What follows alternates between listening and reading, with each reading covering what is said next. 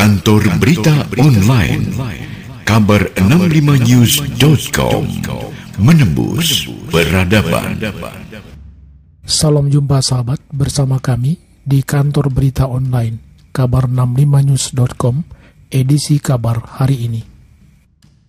Bupati Ketapang Kalimantan Barat Martin Rantan SH Emsos hadiri video conference bersama Kementerian Kehutanan dan Lingkungan Hidup Republik Indonesia membahas tentang pra-validasi dokumen kajian lingkungan hidup strategis atau KLHS, penyediaan kawasan hutan untuk pembangunan food estate di Kabupaten Ketapang, Senin 6 September 2021 di ruang rapat utama kantor Bupati Ketapang.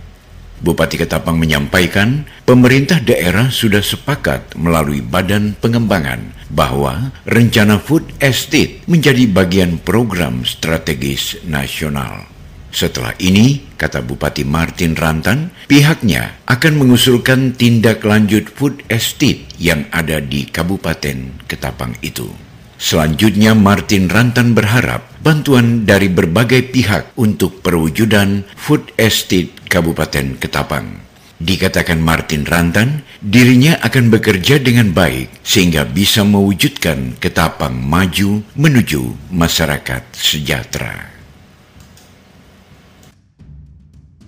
Demikian kabar hari ini. Kita akan jumpa kembali dengan kabar-kabar lainnya di lain waktu dan lain peristiwa.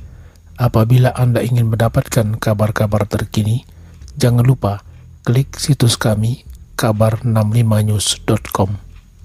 Kantor Berita Online kabar65news.com menembus peradaban.